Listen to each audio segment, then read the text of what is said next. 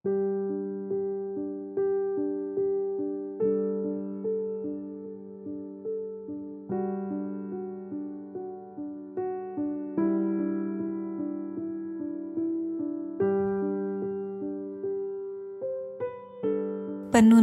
Saat Teduh Gereja Kristen Jakarta Minggu 21 Januari 2024 dengan tema Allah yang murah hati.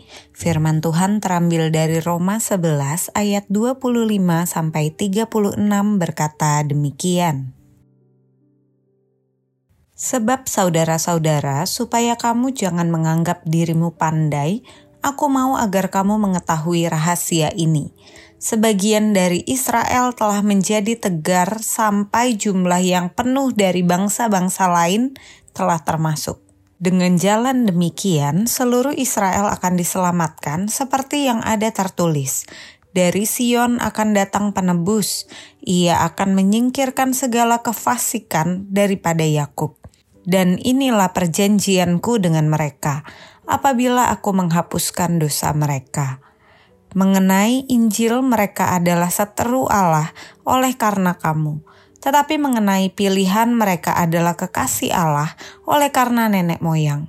Sebab Allah tidak menyesali kasih karunia dan panggilannya. Sama seperti kamu dahulu tidak taat kepada Allah, tetapi sekarang beroleh kemurahan oleh ketidaktaatan mereka, Demikian juga mereka sekarang tidak taat, supaya oleh kemurahan yang telah kamu peroleh, mereka juga akan beroleh kemurahan. Sebab Allah telah mengurung semua orang dalam ketidaktaatan, supaya ia dapat menunjukkan kemurahannya atas mereka. Oh alangkah dalamnya kekayaan, hikmat, dan pengetahuan Allah. Sungguh, tak terselidiki keputusan-keputusannya, dan sungguh tak terselami jalan-jalannya. Sebab siapakah yang mengetahui pikiran Tuhan, atau siapakah yang dapat menjadi penasehatnya, atau siapakah yang pernah memberikan sesuatu kepadanya sehingga ia harus menggantikannya? Sebab segala sesuatu adalah dari Dia dan oleh Dia dan kepada Dia, bagi dialah kemuliaan sampai selama-lamanya. Seorang bernama Alung sedang berjalan-jalan sambil melihat HP. Di depannya ada sebuah sumur yang dalam. Saking asiknya, Alung terjatuh dan masuk ke sumur. Ia berteriak minta tolong dan berjuang mati-matian bisa naik ke atas. Tapi semua usaha Alung sia-sia. Seorang datang mendekat karena mendengar teriakan Alung ia hanya bisa berkata, "Ayo Alung, kamu pasti bisa. Berjuang terus, jangan putus asa." Alung mencoba dan terus mencoba dengan sekuat tenaga. Ia tidak mau mati lemas di sumur, tapi lagi-lagi usahanya sia-sia.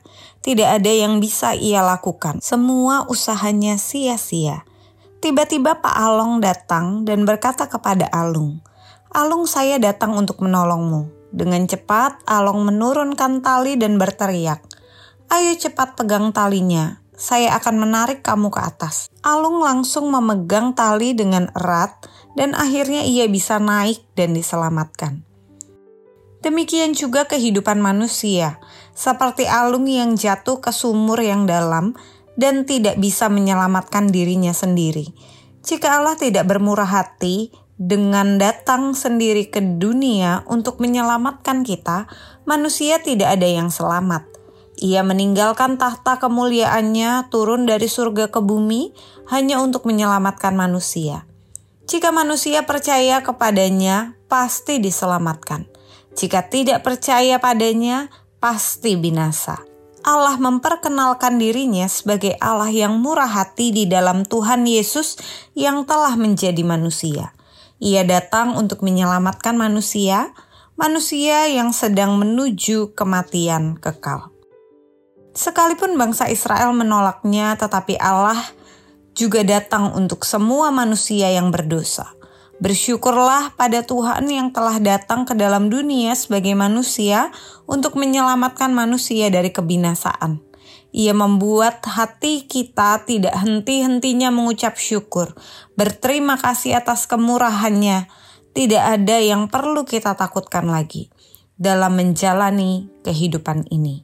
Karena jika kita mengakhiri hidup kita di dunia ini, kita sudah punya kepastian tempat tinggal selama-lamanya di surga bersama Sang Juru Selamat Pencipta alam semesta, pemilik kehidupan kita.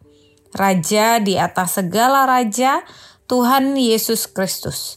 Oleh sebab itu, mari selalu bersyukur dan mengisi kehidupan kita yang sementara di dunia ini dengan memuliakan Tuhan.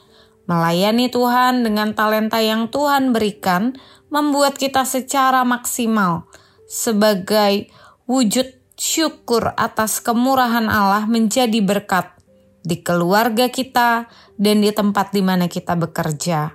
Amin. Hanya karena kemurahan Tuhan, Ia datang untuk menyelamatkan manusia yang berdosa.